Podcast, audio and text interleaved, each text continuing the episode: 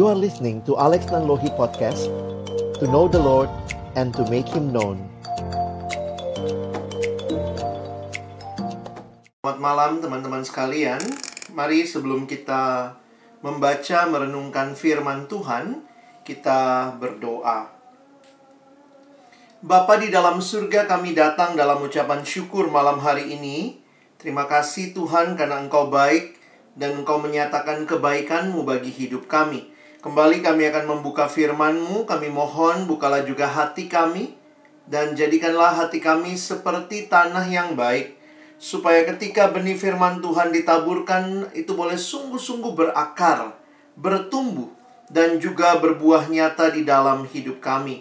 Berkati hambamu yang menyampaikan, setiap kami yang mendengar, Tuhan tolonglah kami semua, agar kami bukan hanya jadi pendengar-pendengar firman yang setia, tapi mampukan kami dengan kuasa dari rohmu yang kudus. Kami dimampukan menjadi pelaku-pelaku firmanmu di dalam hidup kami, di dalam masa muda kami. Bersabdalah ya Tuhan, kami anak-anakmu sedia mendengarnya. Di dalam satu nama yang kudus, nama yang berkuasa, nama Tuhan kami Yesus Kristus kami menyerahkan pemberitaan firman-Mu. Amin. Malam hari ini bersyukur boleh bertemu dengan teman-teman melalui media online virtual malam hari ini dan tema yang diberikan kepada kita pada malam hari ini adalah clean and clear ya. Bukan berarti kita akan melakukan pembersihan wajah malam ini begitu ya tapi kita mau belajar untuk melihat bagaimana pergumulan di tengah-tengah kehidupan kita, khususnya buat banyak teman-teman yang dalam masa pandemi ini. Saya berjumpa, uh, bukan ketemu langsung ya, tapi saya sharing dengan beberapa teman di awal-awal pandemi yang sharing tentang bagaimana online ini ternyata tidak semuanya menolong karena pergumulan dia katakan justru online ini bang begitu dekat sama online saya jatuh lagi dalam dosa-dosa saya yang lama dalam kehidupan yang mencintai dosa, beberapa jatuh lagi dalam pornografi, ada yang bahkan mungkin jatuhnya bukan dalam hal-hal yang yang e, langsung seperti pornografi, tapi mungkin dengan kamu lihat-lihat status orang di Instagram, hatimu mulai nggak puas, lalu pengen hidupnya orang lain. Nah, itu banyak yang terjadi ya. Ih, enak banget dia ya. Coba kalau aku begini sampai kebayang mimpi mungkin begitu dan uh, memupuk iri hati, memupuk kedengkian dan banyak hal yang mungkin terjadi di tengah-tengah uh, masa pandemi ini. Jadi ada hal-hal yang berkaitan dengan dosa-dosa favorit yang lama mungkin muncul lagi dan juga ada dosa-dosa yang mungkin baru muncul karena selama ini kamu nggak pernah menyadari, tetapi di dalam kesendirianmu, kamu akhirnya bisa melihat, iya ya, ternyata ini jadi hal yang begitu mengganggu saya. Nah, teman-teman, saya mau ingatkan untuk kita memahami hal ini, kita bukan hanya mau membersihkan hidup kita, tapi benar-benar kita hidup clear, hidup transparan, hidup terbuka di hadapan Tuhan. Nah, saya kasih kalimat ini sebagai pengantar bahwa untuk penanganan yang tepat maka diperlukan diagnosa yang juga tepat. Nah, ini menarik ya. Kita nggak mungkin menyelesaikan penyakit tertentu tanpa tahu apa penyakitnya. Jadi, memang langkah pertama untuk penanganan yang tepat adalah mendiagnosa hal yang tepat. Nah, abang coba cerita satu kisah yang saya dengar dari khotbah oleh hamba Tuhan, Pastor John Piper. Dia coba menghayati sebenarnya apa sih masalah orang jatuh dalam dosa. Kalau bicara jatuh dalam dosa, memang sejak kejadian tiga manusia berontak kepada Allah. Lalu kemudian mungkin jawaban selanjutnya adalah dia bilang begini. Bagaimana manusia bisa menang atas dosa? Nah, lalu dia kasih contoh. Nah, contohnya menarik teman-teman ya. Jadi anggaplah ya kamu adalah seorang pria. Nah, bayangkan kamu seorang pria yang lagi buka laptop lalu kamu lagi nikmati pornografi di kamarmu. Wah, lagi nikmat-nikmatin pornografi, eh masuk teroris. Wah, langsung membayangkan, ha teroris bang? Iya, teroris dari ISIS datang dengan kepala yang tertutup dengan masker, dia datang, dia masuk ke rumahmu, lalu dia menyandra orang tuamu. Lalu kemudian dia mengatakan begini. Kamu punya pilihan. Terus nonton pornografi atau saya bunuh orang tuamu. Nah, jadi disandra oleh orang tuamu, ada pisau di leher orang tuamu dan dia mengatakan, "Pilih. Kamu terus nonton porno atau kalau kamu terus nonton, saya bunuh orang tuamu." Atau kalau kamu give up pornografi, kamu tutup laptopnya, kamu tidak mau lagi pornografi, orang tuamu selamat. Maka John Piper mengatakan kira-kira apa pilihanmu? Nah tentu sebagian besar orang yang waras begitu ya akan berpikir ya ya udahlah gue tutuplah pornonya begitu ya. Aku lebih sayang sama orang tuaku. Nah jadi teman-teman muncul pertanyaan oleh John Piper begini. Jadi sebenarnya bisa nggak kita menang atas dosa? Buktinya dalam cerita itu bisa. Jadi dia kemudian menganalisa. Nah, ini cara menganalisa untuk dapat penanganan yang tepat. Dia mengatakan orang bisa tinggalkan dosa yang dia sukai, dia cintai ketika dia menemukan cinta yang lebih besar lagi daripada apa yang sedang dia nikmati. Dengar kalimat Abang baik-baik. Kamu rela tinggalkan apa yang kamu cintai pornografi itu ketika kamu tahu ada hal lain yang jauh lebih kamu cintai, yaitu orang tuamu. Wow, menarik waktu saya menggumulkan hal ini, mendengar ilustrasi ini, saya jadi berpikir begini, Kenapa ya kita ini yang sudah selamat, sudah dalam Tuhan, sudah anak Tuhan, sudah lahir baru, kenapa masih bisa jatuh dalam dosa? Dan memang itu pergumulan selama kita hidup. Kita memang jatuh bangun dalam dosa, tetapi sekarang pertanyaannya begini, bukan berapa kali kita jatuh, tetapi berapa kali kita bangkit untuk menang atas dosa itu. Dan mungkin yang perlu kita pahami malam hari ini adalah bagaimana saya bisa menang atas dosa dan itu hal yang memungkinkan. Jangan pikir ya udahlah kalau aku udah jatuh dalam dosa ya udah beginilah hidupku. Memang aku manusia berdosa, memang akan selalu melakukan dosa. Tetapi kita perlu mengetahui apa yang bisa bikin kita menang atas dosa karena saya pikir kita maunya hidup berkemenangan kan? Memang masih bisa jatuh, betul. Masih bisa jatuh. Selama di dunia kita belum pernah sempurna. Nanti kalau ketemu Yesus kedua kali baru kita sempurna. Tetapi kalau kita jatuh, kita perlu memahami apa yang bisa membuat kita menang atas kejatuhan itu. Tentunya yang bisa membuat kita menang adalah anugerah Tuhan. Tetapi itu bagiannya Tuhan. Tuhan memberikan rohnya yang kudus, menolong kita, memampukan kita. Tetapi ada bagian respon kita. Nah, itu yang malam hari ini Abang mau kita belajar sama-sama.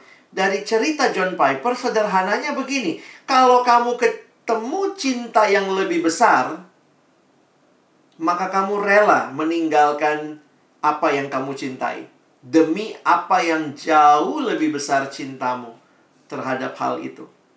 Jadi, jangan merasa dosa itu menguasai lalu kemudian kamu paralyzed. Ya sudahlah, saya sudah begini, saya memang suka porno, mau apa? Saya memang suka gosip, mau apa? Nggak bisa lagi saya keluar dari hati yang seperti ini. Nah, perhatikan ada dua ayat yang saya mau angkat malam hari ini mengawali diskusi pembahasan kita bahwa ada dua ayat yang penting untuk kita pahami di dalam Alkitab ketika berbicara tentang manusia. Dua-duanya abang ambil dari perjanjian lama. Nah, coba perhatikan, perjanjian lama memberikan penekanan yang menarik kepada hati manusia. Nah, menarik ya. Hati manusia.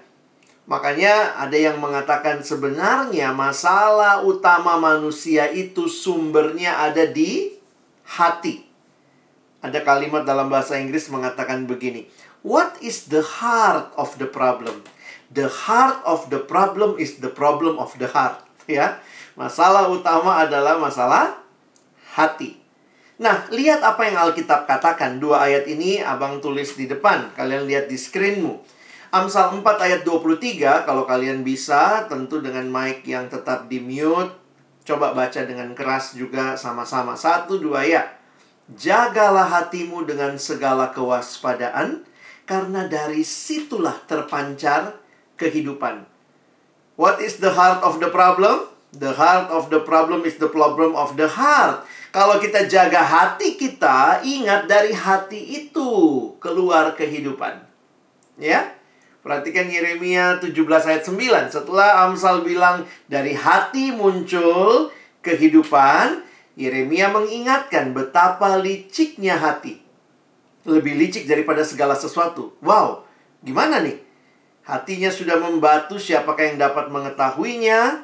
Dan ini mengingatkan kita bahwa benar manusia dari hatinya itulah terpancar kehidupan. Tetapi setelah manusia jatuh dalam dosa kita diingatkan. Jangan percaya 100% sama hati. Makanya tadi dibilang jagalah hatimu. Betapa liciknya hati. Lebih licik daripada segala sesuatu. Jadi saya pikir nasihat Amsal ini dipadukan dengan Yeremia mengingatkan kita bahwa betapa pentingnya guard your heart. Nah, harusnya bagaimana hati kita?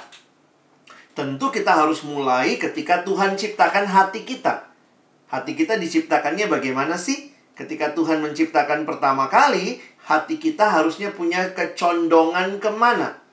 Nah, di dalam Alkitab, kalau kita mempelajari kitab kejadian, Kitab Kejadian mencatat awal mula segala sesuatu. Berarti termasuk awal mula penciptaan manusia.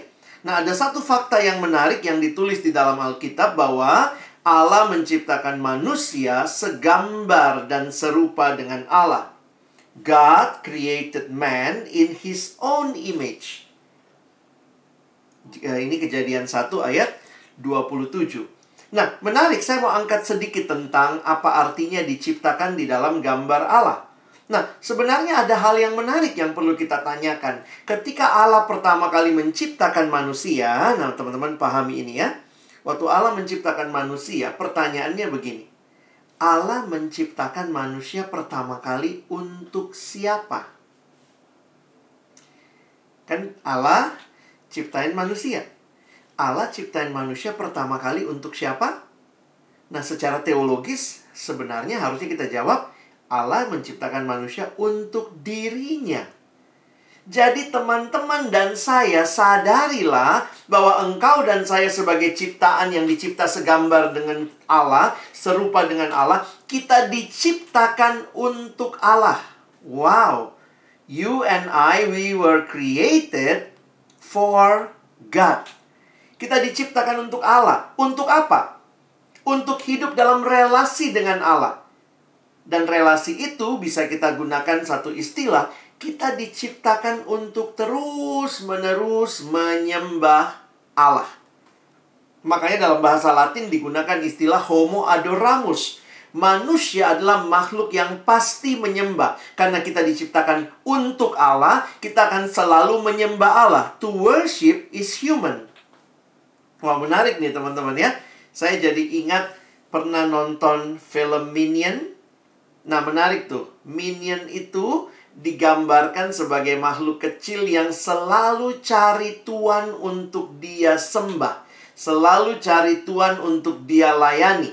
Memang sayangnya dia selalu cari Tuhan yang Tuhan yang paling jahat.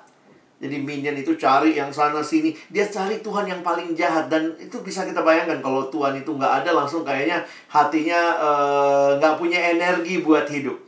Nah sebenarnya gambaran itu sangat persis dengan Alkitab bahwa Allah menciptakan kita untuk dirinya. Kita itu dicipta untuk menyembah Allah. Kita adalah manusia adalah makhluk yang menyembah. Jadi, teman-teman perhatikan, pilihanmu dan pilihanku selalu menyembah. Jadi pilihan kita bukan begini, menyembah atau tidak menyembah. No. Karena kita makhluk yang menyembah, maka pilihan kita adalah kita sedang menyembah Allah yang benar atau kita sedang menyembah Allah yang salah. Karena kan kita selalu menyembah.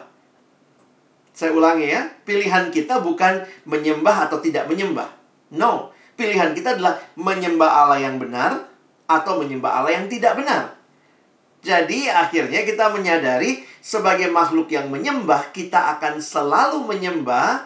Nah, siapa pun atau apa pun yang menggantikan posisi Allah sebagai yang terutama di dalam hidup kita itu disebut dengan berhala. Jadi lihat lagi masalah hati kita ya. Karena kita selalu menyembah berarti kita pasti menyembah. Karena kita pasti menyembah, pertanyaannya siapa yang lagi disembah? Kalau kita menyembah Allah yang benar, ya itulah Allah kita. Tapi kalau kita sedang tidak menyembah Dia, kita pasti sedang menyembah yang lain yang bukan Allah yang disebut berhala. Nah, jadi karena itu konsep berhala ini penting sekali di dalam perjanjian lama.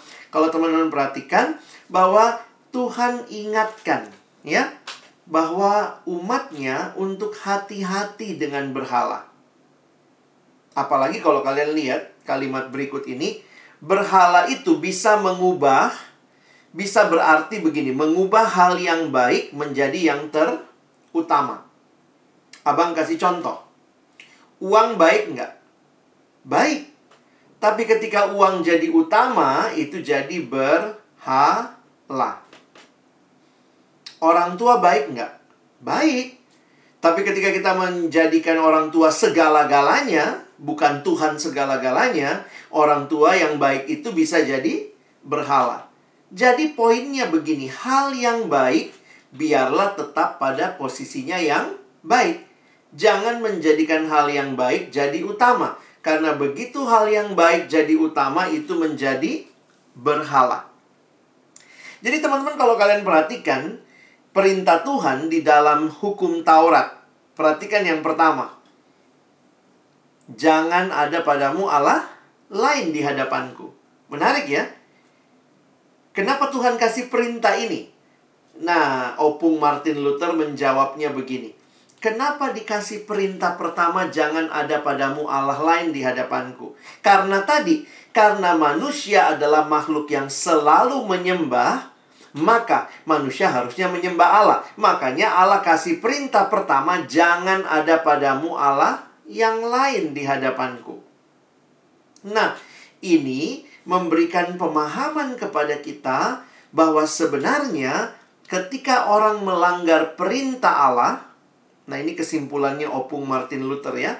Karena salah satu yang kuat bicara berhala tuh Martin Luther sebenarnya. Sayangnya gereja-gereja Lutheran jarang bicara itu sekarang ya. Martin Luther bilang begini, kenapa Allah memulai perintah pertama dengan jangan ada padamu Allah lain di hadapanku? Lalu Martin Luther menjelaskan, karena tidak mungkin kamu melanggar perintah yang lain tanpa terlebih dahulu melanggar perintah yang pertama. Nah, dia kasih contoh begini. Kalau kamu mencuri, sebenarnya yang kamu langgar bukan cuma satu hukum, jangan mencuri Martin Luther mengatakan engkau pasti melanggar hukum yang pertama. Ketika di dalam hatimu harta itu jadi yang terutama, kau memberhalakan harta, jadinya kau mencuri. Nangkap ya? Harta itu kan baik, tapi begitu dijadikan utama, maka kamu telah memberhalakan harta. Jadi ada orang karena memberhalakan harta jadinya mencuri. Jadi yang dilanggar dua hukum. Hukum pertama ada Allah lain yaitu harta dan hukum yang berikutnya adalah mencuri. Ketika melihat jangan bersinah, maka Martin Luther mengatakan kamu nggak mungkin cuma melanggar satu hukum soal persinahan. Begitu kamu melanggar hukum bersinah, kamu berzina, berarti kamu telah melanggar hukum pertama karena ada yang kau anggap lebih penting dari Allah di hadapanmu, yaitu seks. Sehingga seks, hawa nafsu menjadi segalanya. Seks itu baik. Seks itu diciptakan Tuhan. Tapi begitu kau jadikan segala-galanya, maka engkau melanggar dua hukum. Berzina dan punya Allah lain, yaitu seks. Nangkep ya? Jadi teman-teman waktu saya mempelajari ini, Martin Luther tuh mau bilang begini. Kalau kamu perhatikan dosanya, tindakan dosanya, maka jangan cuma perhatikan yang di permukaan. Jangan cuma lihat yang menjadi tindakan dosa di permukaan. Tapi Martin Luther mencoba melihat di bawah permukaan. Sebenarnya setiap tindakan dosa di permukaan itu lahir dari hati yang sedang memberhalakan sesuatu yang lain. Saya ulangi ya. Kalau ada tindakan dosa di permukaan, maka sebenarnya itu lahir dari, ingatkan tadi ya, dari hatimu terpancar kehidupan. Maka Martin Luther bilang, jangan cuma lihat tindakannya. Tindakannya dia berzina, tapi sebenarnya masalah utamanya bukan di tindakannya saja, tapi ada hati yang harusnya menyembah Allah sedang tidak menyembah Allah hatinya sedang menyembah yang bukan Allah. Hatinya sedang menyembah seks. Kira-kira begitu. Jadi bagi saya Martin Luther sangat dalam menggali ini dan memberikan pemahaman waktu lihat orang berdosa jangan cuma lihat tindakannya. Karena untuk menyelesaikan tindakannya yang muncul di permukaan harus diselesaikan akarnya, yaitu di dasar hati siapakah yang sedang dia cintai di dalam hatinya. Jangan-jangan kita sedang mencintai yang lain yang bukan Allah, yaitu berhala. Karena itu kenali betul berhala-berhala hatimu. Nah, memang ini tercampur antara hati sama tindakan ya. Jadi kalau Abang tulis di sini atau gambarnya ada seks, keluarga bisa jadi berhala? Oh bisa. Uh, studi bisa jadi berhala? Studi itu baik teman-teman. Tapi begitu kamu memberhalakan, mengutamakan studi dalam arti menjadikan studilah segala-galanya. Sampai harga dirimu kau taruh pada studi. Begitu studimu anjlok kayaknya bunuh diri lah aku, depresi aku. Kenapa? Karena harga dirimu yang harusnya kau taruh dalam Tuhan, kau taruh dalam studi. Nah itu yang terjadi. Ada yang harga dirinya tergantung berapa like-nya di medsos. Sampai jadi gila gitu ya, habis posting sesuatu terus cek berapa yang like, berapa yang like. Jadi ingat, ada banyak hal yang baik bisa jadi berhala. Medsos kan baik ya, tapi bisa jadi berhala. Pacar baik nggak? Oh baik, bisa jadi berhala? Oh bisa juga. Pacar bilang nggak usah lah ke gereja, nggak usah lah saat teduh ya bisa juga. Ah aku mengasihi pacarku ya udahlah ikut maunya misalnya. Game online, keluarga, akademis. Nah ini semua kenali berhala hati. Mungkin kau tanya, terus bagaimana bang saya tahu ini sudah jadi berhala atau tidak? Boleh nggak main game? Boleh. Tapi game bisa jadi berhala? Bisa. Boleh nggak nonton drakor? Boleh. Tapi drakor bisa jadi berhala? Bisa. Lalu kira-kira bang yang membedakan bahwa ini sudah berhala itu apa? Nah, saya menuliskannya begini. Sesuatu itu jadi berhala ketika kita sudah punya sikap kepadanya yang menjadikan dia berhala.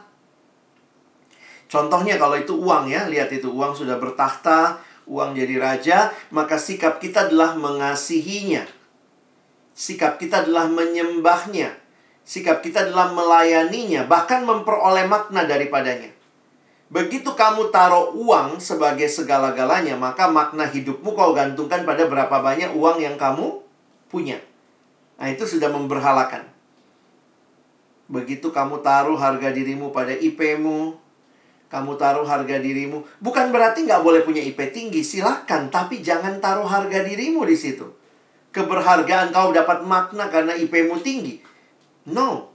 Maknamu adalah karena kamu makhluk yang diciptakan oleh Allah dan hidup menyembah Allah. Itu makna hidup yang terdalam. Jadi hati-hati bahwa hal-hal di sekitar kita yang baik-baik ini pun bisa jadi berhala. Apalagi yang nggak baik. Seperti pornografi, seperti iri hati. Kalau yang baik aja bisa jadi berhala, apalagi yang tidak baik. Begitu kamu, karena orang bisa gini ya, Misalnya ya, drama Korea bisa jadi berhala nggak? Oh bisa juga. Ketika kau tanya sama temenmu, kau udah nonton uh, apa hospital playlist? Kau udah nonton? Aku dong udah. Jadi kayaknya harga diri kita naik karena kita sudah nonton. Nah itu udah mulai memberhalakan itu. Merasa saya dapat makna dari situ. Ih kau belum nonton? Wih aku dong sudah. Kau Mobile Legendmu sampai mana? Oh aku sudah sampai sini gitu. Jadi kita merasa ada harga diri yang diangkat karena melakukan hal itu. Wah kalau udah begini sebenarnya bisa ngeri teman-teman ya. Termasuk juga banyak orang yang menikmati dosa itu makin dalam jatuh ke dalamnya karena uh, itu itu jadi jadi akar yang yang mengerikan ya. Makanya secara khusus dalam bahasa Inggris ada istilah ini ya. Idolatry atau berhala itu bukan hanya salah satu sin, salah satu dari banyak dosa, tetapi itu satu dosa terbesar yang dari dalamnya itu muncul dosa-dosa yang lain. Nah, sebenarnya ini pembahasan yang dibuat oleh Eidelman, Kyle Eidelman. Dia bilang, kenali jangan cuma lihat perbuatannya, tindakannya, tapi harus lihat dasar hatimu. Apa yang lagi kamu sembah. Ini yang tadi Abang bilang di awal, waktu kamu menyelesaikan permasalahan, menangani sebuah penyakit, harus tahu dulu akibat eh, sorry, penyebabnya apa. Karena dengan tahu penyebabnya kita bisa atasi penyakitnya. Jadi uh, lihat ya, ada beberapa hal yang Abang bilang. Pertama tadi masalah hati. Dari hati terpancar kehidupan. Yang kedua, Abang kaitkan dengan kita makhluk yang menyembah. Dan yang ketiga sebenarnya kalau kalian perhatikan abang mengkaitkan dengan cinta. Jadi orang yang menyembah itu pasti mencintai yang dia sembah. Dan apa yang dia cintai biasanya itu yang dia sembah. Jadi itu bolak-baliknya di situ. Makanya kalau kita kaitkan sama hati, pertanyaan utamanya waktu manusia berdosa, di mana cinta hatimu kau taruh? Kau lagi taruh sama pornografi, atau kau harus menemukan cinta yang lebih besar lagi, supaya kau rela tinggalkan pornografi dan kau rela untuk mencintai yang lain. Tadi kan contohnya orang tuamu. Orang tuamu, saya bunuh orang tuamu nih. Tutup pornografi itu. Kau tutup. Kenapa? Karena ada cinta yang lebih besar. Nah, ada satu buku yang abang ketemu dan dia mengkaitkan tiga hal ini. Hati, penyembahan, dan cinta. Lihat bukunya, judulnya You Are What You Love. Orang suka ngomong you are what you think. Buku ini bilang, no, you are what you love. Kamu adalah apa yang kamu cintai.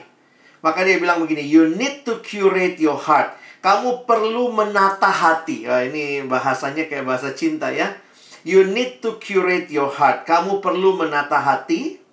You need to worship well. Kamu perlu menyembah yang baik dengan baik. Because, nah ini alasannya. Kenapa kita mesti jaga hati? Kenapa kita mesti menyembah dengan benar? Karena kamu adalah apa yang kamu sembah. Dan you worship what you love. Kamu adalah apa yang kamu cintai, sorry, because you are what you love and you worship what you love. Kamu adalah apa yang kamu cintai dan kamu menyembah apa yang kamu cintai. Jadi sebenarnya kalau kita lihat masalah kita dengan dosa ini bukan cuma sekadar di perbuatannya teman-teman, tapi masalah lebih dalam adalah hatimu lagi kau taruh di mana. Hatimu dan hatiku ini lagi menyembah yang mana, lagi mencintai yang mana. Apalagi kalau kau terus-terusan memupuk cintamu pada pornografi, makin kau pupuk cintanya, makin tambah cintamu. Download, habis download, kemudian kamu share, kamu koleksi, kamu bagi-bagi, jadi distributor. Lama-lama kan tambah dalam cintanya. Kenapa? Karena mainnya itu terus ya. Makin kau cinta, makin kau sembah, makin kau sembah, makin jauh hatimu dari Allah karena hatimu sedang menyembah berhala. Bisa lihat ya, hati, penyembahan, dan cinta. Heart, worship, and love.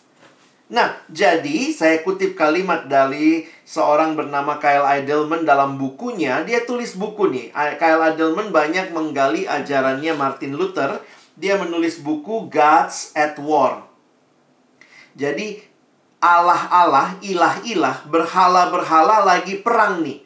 Dia ngomong, sebenarnya di hati kita sedang terjadi peperangan antara berhala. The battlefield of the gods is your heart. Maksudnya apa? Kyle Idleman bilang, jadi sebenarnya di hati kita itu berhala lagi pada berantem nyari tempat yang terutama, menggantikan Allah. Makanya memang Tuhan ngomong ya, Tuhan udah tahu banget. Jangan ada padamu Allah lain. Karena Tuhan tahu kita itu selalu hatinya akan menciptakan berhala karena kita makhluk yang menyembah. Nah, seorang reformator bernama John Calvin sampai ngomong begini. Karena manusia makhluk yang menyembah dan akan selalu menyembah waktu dia tidak sedang menyembah Allah yang benar, maka dia sedang menyembah yang bukan Allah. John Calvin bilang, hati manusia adalah pabriknya berhala. Dia mengatakan, human hearts is the factory of idols. Di hati kita itu kita akan selalu ciptakan berhala. Kan kita makhluk yang menyembah. Kalau lagi nggak menyembah Allah, ah apalagi yang disembah ya? Ah uang ah. Kita sekarang menyembah uang. Nanti ada waktunya kita menyembah pacar. Nanti ada waktunya kita menyembah kesuksesan. Terus dan itu terjadi di hati kita. The battlefield itu di mana di hati kita. Karena itu dia melanjutkan begini. What you are searching for and chasing after, apa yang kamu cari dan kamu kejar sebenarnya itu menyatakan apa berhala yang memenangkan peperangan di hatimu? Pagi-pagi bangun, cari pornografi. Siang dikit, wifi kencang, download pornografi. Malam nikmati pornografi, masturbasi. Besok lakukan lagi itu. Kalau terus itu yang kau cari, itu yang terus itu menunjukkan apa Allahmu, apa yang sedang menjadi berhalamu yang sedang kamu sembah. Yaitu di hatimu adalah ada cinta yang mendalam kepada kepada pornografi. Jadi sekali lagi ya, saya menggarisbawahi you are what you love and you worship what you love. Teman-teman, karena itu waktu membereskan ini, bereskannya bagaimana? Jangan pikir dosa itu cuma melanggar hukum. Ada beberapa definisi dosa bagi saya yang menarik yang dikasih tahu oleh Timothy Keller. Dia memberikan aspek yang kita bahas malam ini. Dosa itu lebih dari sekedar melanggar perintah. Tapi dia kasih aspek ini. Dosa juga adalah menyakiti hati Allah. Ingat loh, di perjanjian lama Allah digambarkan sebagai mempelai pria. Sementara gerejanya umat Allah adalah mempelai wanita. Jadi waktu kita sedang menyembah Allah lain, Makanya Alkitab Perjanjian Lama suka pakai istilah pernikahan. Mereka bersinah secara rohani. Harusnya kan kita dengan Allah. Eh, malah kita sembah yang bukan Allah. Ngeri banget. Nah, coba lihat lagi ya. Ini gambaran dosa, jangan ada padamu Allah lain. Nah, ketika manusia berdosa di dalam kitab Hosea, ketika Hosea misalnya dikatakan umatku kata Tuhan sama seperti istrimu itu mereka tidak setia. Atau kalimat lain, mereka bersundal hebat kepadaku dan meninggalkan aku. Perhatikan ayat dalam hakim-hakim ini. Ketika dikatakan mereka meninggalkan Tuhan Allah nenek moyang mereka yang telah membawa mereka keluar dari tanah Mesir, lalu mengikuti Allah lain dari Allah bangsa-bangsa di sekeliling mereka dan sujud menyembah kepadanya sehingga mereka berdosa digambarkan menyakiti hati Tuhan. Wow, teman-teman, saya harap kamu dapat perspektif baru malam ini. Kalau kamu melakukan dosa itu bukan cuma melanggar hukum, tapi kamu sedang menyakiti hati Tuhan. Kamu sedang tidak taruh cintamu sama Tuhan. Kamu yang dicipta untuk mencintai Tuhan, kamu sedang mencintai yang bukan Tuhan, yang cuma berhala. Nah, saya tuliskan begini. Apa pun juga yang mengendalikan hidup kita disebut Tuhan kita. Ini kalimat dari Rebecca Manley Pippert dalam bukunya. Orang yang mencari kekuasaan dikendalikan oleh siapa tuannya? Kekuasaan. Orang yang mencari penerimaan, terus cari penerimaan. Berarti Allah siapa? Allahnya adalah penerimaan, dikendalikan oleh orang-orang yang ingin dia senangkan. Kita tidak bisa mengendalikan hidup kita sendiri. Kita dikendalikan oleh Tuhan atas hidup kita. Saya cukup kagum sama kalimat ini ya. Saya renung-renung. Iya ya, kalau saya makhluk yang menyembah, berarti saya selalu cari Tuhan yang saya sembah. Maka sebenarnya saya adalah makhluk yang tidak bisa mengendalikan hidup saya. Saya selalu dikendalikan oleh Tuhan yang saya sembah. Nah, kalau demikian, gimana teman-teman menggantikan berhala yang kita sudah cintai, kita sembah, kita layani? Bagaimana mengalahkan cintamu kepada berhala? Lihat, ingat lagi kalimat atau ilustrasi Bapak John Piper di depan tadi caramu mengatasi cintamu yang ada pada berhala itu, kamu harus menemukan cinta yang lebih besar yang membuat kamu rela tinggalkan berhala itu karena yang ini jauh-jauh lebih memuaskan, lebih pantas untuk dicintai. Teman-teman, ada satu kalimat yang menggugah saya waktu Hosea disuruh sama Tuhan. Jadi kan Hosea istrinya itu kan selingkuh ya. Pergi lagi melacur, pergi lagi menjadi uh, pelacur begitu lalu kemudian nampaknya jatuh miskin lalu Hosea disuruh kawinin lagi tuh perempuan. Nah, ada kalimat yang menarik nih. Berfirmanlah Tuhan kepadaku, "Pergilah lagi Cintailah perempuan yang suka bersundal dan bersinah seperti Tuhan juga mencintai orang Israel. Sekalipun mereka berpaling kepada Allah lain dan menyukai kue kismis. Kue kismis adalah salah satu makanan persembahan kepada berhala-berhala zaman itu. Apa yang Tuhan minta kepada Hosea? Cintailah lagi. Jadi teman-teman benar ya. Hati kita ini selalu akan menyembah dan mencintai Pertanyaannya, di mana kita taruh cinta kita? Pada Yesus atau pada berhala? Sebenarnya dengan sederhana kita harusnya menaruh cinta kita pada Yesus. Kenapa? Karena hanya Yesuslah yang pantas menerima cinta kita. Karena sebelum kita bisa mencintai dia, ingat, dia sudah menyerahkan dirinya bagi kita. Dia mati di kayu salib bagi kita. Saya mencintai Yesus karena Yesus yang lebih dahulu mencintai saya. Ini kalimat di 1 Yohanes 4 ayat 12. Bukan kita yang lebih dahulu mengasihi Allah, tapi Allah lah yang lebih dahulu mengasihi kita. Teman-teman, saya harus ingatkan buat kita, kenapa harus Yesus yang menjadi cinta terbesarmu? Karena berhala-berhala itu tidak ada yang mati buat kamu.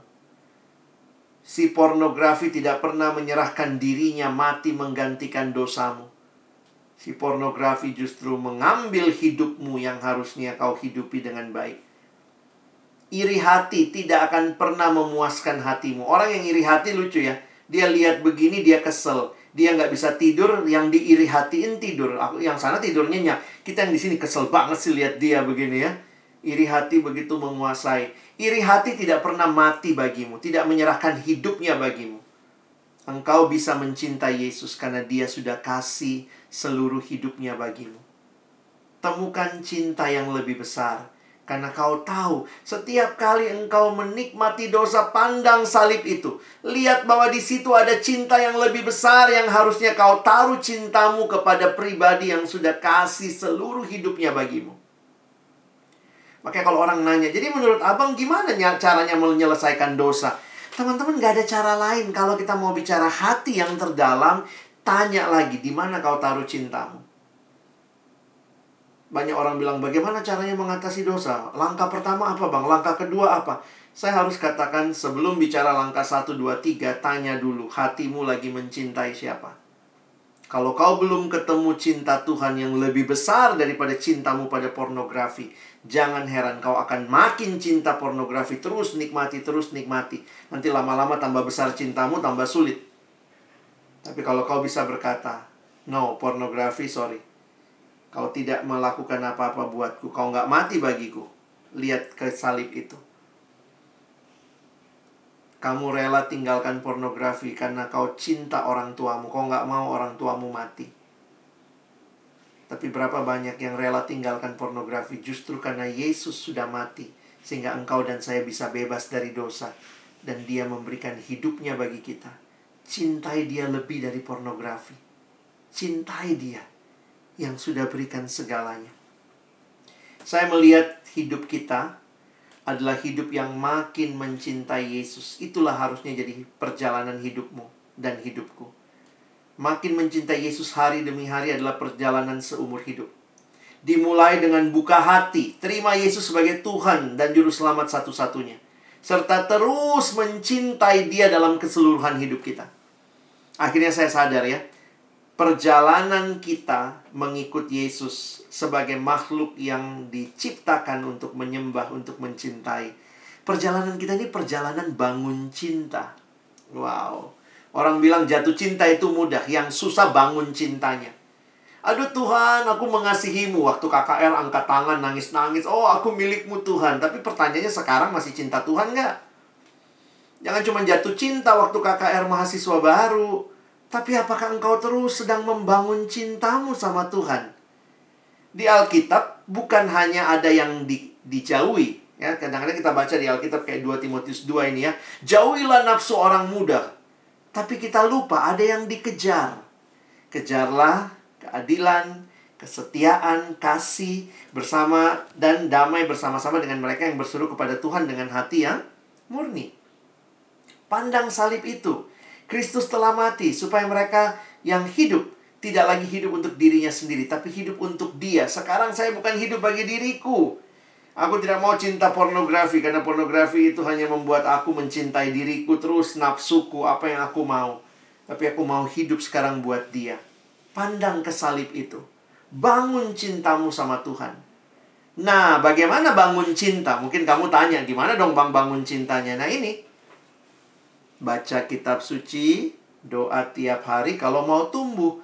Kadang-kadang kita merasa saat teduh doa itu cuma kewajiban.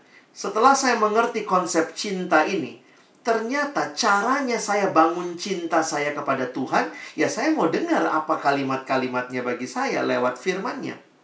Saya mau bicara kepada dia karena saya mengasihi dia. Saya ingin menyampaikan isi hati saya kepada dia. Saya menyampaikan doa. Makanya ini ilustrasi roda dibuat oleh Bapak Dawson Trotman. Dia menggambarkan hidup manusia itu seperti roda. Nah, dia bilang yang roda itu, yang muter itu porosnya. Nah, di pusat hidup harus ada Kristus. Jadi putar tuh hidupnya ya kan ada Kristus di pusat hidup. Lalu dia menggambarkan ada dua macam jari-jari. Ada yang vertikal, ada yang horizontal. Yang vertikal itu hubungan dengan Allah. Saya bicara sama Allah, itu namanya doa. Allah bicara kepada saya melalui firman. Makanya dari sekolah minggu kita udah tahu bagaimana bertumbuh adik-adik. Baca kitab suci, doa tiap hari. Tapi sekarang saya mau kasih tahu lagi teman-teman. Ini adalah upaya membangun cinta. Jadi jangan jadikan saat teduh beban. Aduh, baca Alkitab lagi pagi-pagi. Tapi setiap hari Tuhan, I want to love you more. I want to know. Saya mau kenal Tuhan apa yang Tuhan mau sampaikan bagiku. Apalagi yang aku akan berikan kepadamu Tuhan. Kenapa? Karena engkau telah memberikan segalanya buatku. Nah, bagaimana membuktikan itu? Ya kasih waktu. Jadi memang ada yang bilang, bagaimana membuktikan cinta itu bang? Ya kasih waktu. Jangan bilang kau cinta pacarmu kalau kau nggak pernah mau ketemu, sorry sibuk, mau ketemu sibuk. Tapi kau bilang, oh itu pacarku. Kalau Tuhan sungguh-sungguh adalah kekasih hati kita, mau nggak duduk diam dengar firmannya dalam upaya membangun cinta? Bukan cuma kewajiban, nanti ditanya PKK, udah satu dulu belum?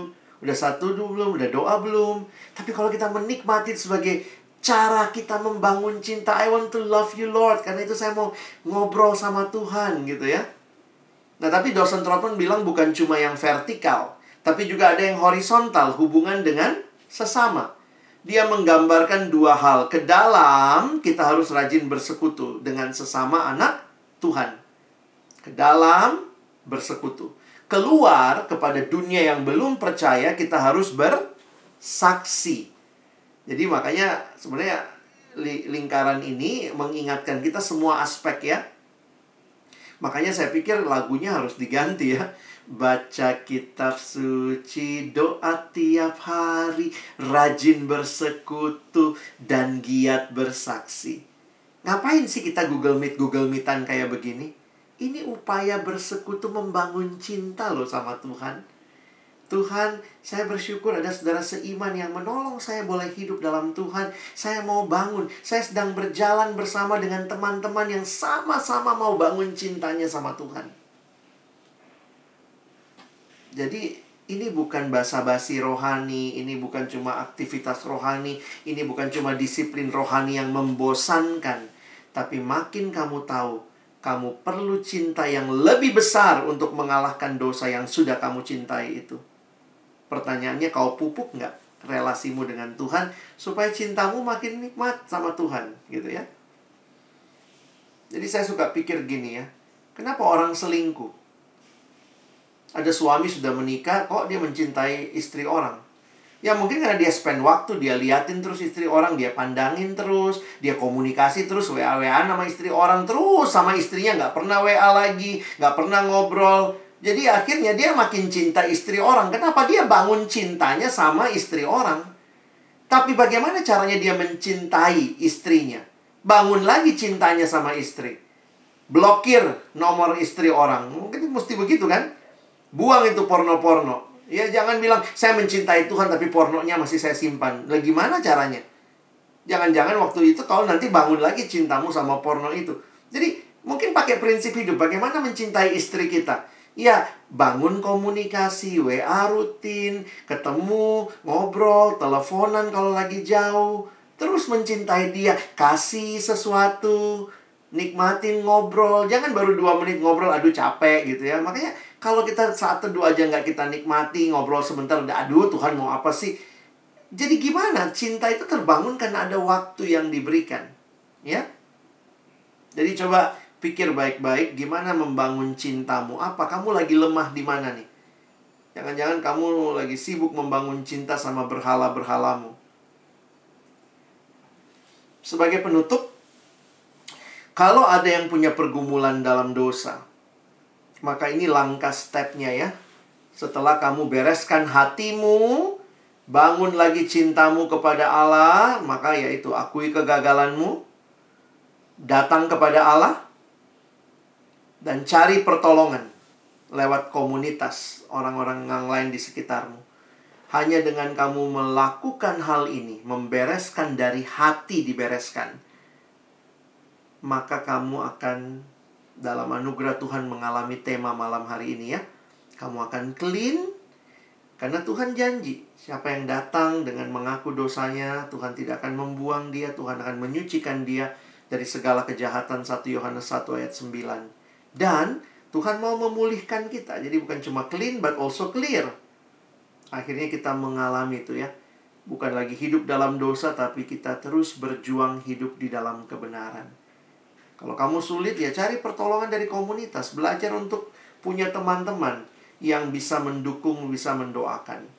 Ada beberapa orang dalam pergumulan dosa di awal pandemi ini telepon abang, kami chatting, akhirnya kemudian dia bilang bang saya terus jatuh dalam dosa pornografi. Gimana ya bang, boleh nggak abang tolong saya? Saya bilang ya saya cara menolongnya adalah saya tanya dulu kamu, kamu tahu persis masalahmu di mana, saya bimbing dia sampai dia ngerti, iya ya hati saya kayaknya lagi begini bang, oke. Sekarang kamu lagi cinta sama siapa? Lalu kemudian waktu itu selama satu minggu saya bilang, boleh nggak minggu ini setiap hari saat teduhmu kamu kirim ke abang. Apa yang kau nikmati? Apa yang Tuhan bicara sama kamu? Jadi dia cari pertolongan lewat komunitas ya dia ketemunya saya lalu kemudian dia mulai kirim WA-nya rutin setiap hari selama satu minggu kita berdoa bersama Lalu kemudian dia bilang, ya bang, thank you, aku udah mulai bisa.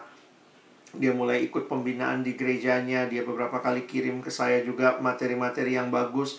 Saya bilang iya karena ini orang yang mau melayani Tuhan juga tapi juga masih terjerat dalam dosa-dosa lama yang muncul ketika memang pandemi ini. Karena sering kali bengong sendiri. Ya kalau bengong sendiri lalu kau isi hatimu yang kosong itu dengan cinta kepada hal yang lain, ingat loh, berhala itu kayak minum air laut waktu lagi haus. Itu sifat berhala. Makin kamu isi kekosongan itu dengan berhala-berhala yang juga kosong, makin haus kamu. Kayak lagi kehausan terus minum air laut. Gimana? Eh makin haus. Minum lagi, makin haus. Minum lagi, makin haus Makanya kita harus datang kepada Tuhan. Dia air hidup yang akan memuaskan dahaga jiwa kita. Cintamu kau taruh di mana? Hari ini kau dengar firman, Tuhan bicara kepadamu, kiranya dalam anugerah Tuhan teman-teman bangkit dan hidup bagi Allah. Kiranya Tuhan menolong kita. Amin. Mari kita berdoa. Bapak hamba bersyukur boleh sharing firman Tuhan malam hari ini untuk menolong kami juga melihat hidup kami di hadapan Tuhan. Kami yang sebenarnya manusia yang harusnya binasa tapi anugerahmu memberikan keselamatan yang kekal kepada kami dan Tuhan sedang terus memimpin kami. Kau berikan rohmu yang kudus memimpin hidup kami makin hari makin kudus Kau berikan firman-Mu yang terus menolong kami untuk membangun cinta kami kepada Tuhan. Dan terlebih lagi kau berikan putramu Yesus Kristus yang telah mati di kayu salib. Sehingga pengorbanannya itu cukup bagi kami. Dan kami berdoa, biarlah kami bisa mencintai Engkau ya Yesus. Yang sudah memberikan segalanya bagi kami. Berhala tidak memberikan apa-apa buat kami bahkan berhala menghancurkan hidup kami, menarik kami jauh dari Allah. Dan hanya cinta kepadamu lah yang akan memulihkan kami. Hamba berdoa bagi adik-adikku yang mungkin sedang bergumul dalam dosa-dosa yang dalam. Yang mungkin merasa Tuhan begitu sulit keluar dari belenggu-belenggu yang ada. Tapi hari ini waktu mereka ditolong mendengar firman Tuhan, kami ingat di dalam Engkau ada kemerdekaan, ada kelegaan, ada kelepasan. Karena itu tolong mereka bangkit memandang ke salib Kristus dan mulai membangun lagi cintanya kepada Tuhan. Bagi adik-adikku yang lagi malas bersaat teduh, lagi lemes, lagi tidak merasa dapat apa-apa waktu bersaat teduh, lagi kurang gairah, hari ini biarlah Tuhan mengingatkan kami kembali bahwa kami pun rindu terus membangun cinta kepadamu karena itulah yang bisa membuat kami berhenti mencintai dunia dan akhirnya terus mencintaimu Tuhan. Tolong komunitas ini juga bukan jadi komunitas yang saling melemahkan ketika ada yang jatuh dalam dosa, bukan saling mengejek waktu ada yang berdosa, tapi benar-benar saling mengampuni, saling mendoakan, saling berbagi dan saling menguatkan. Itu doa dan kerinduan kami. Dalam nama Tuhan Yesus kami sekali lagi sudah berdoa dan bersyukur. Amin.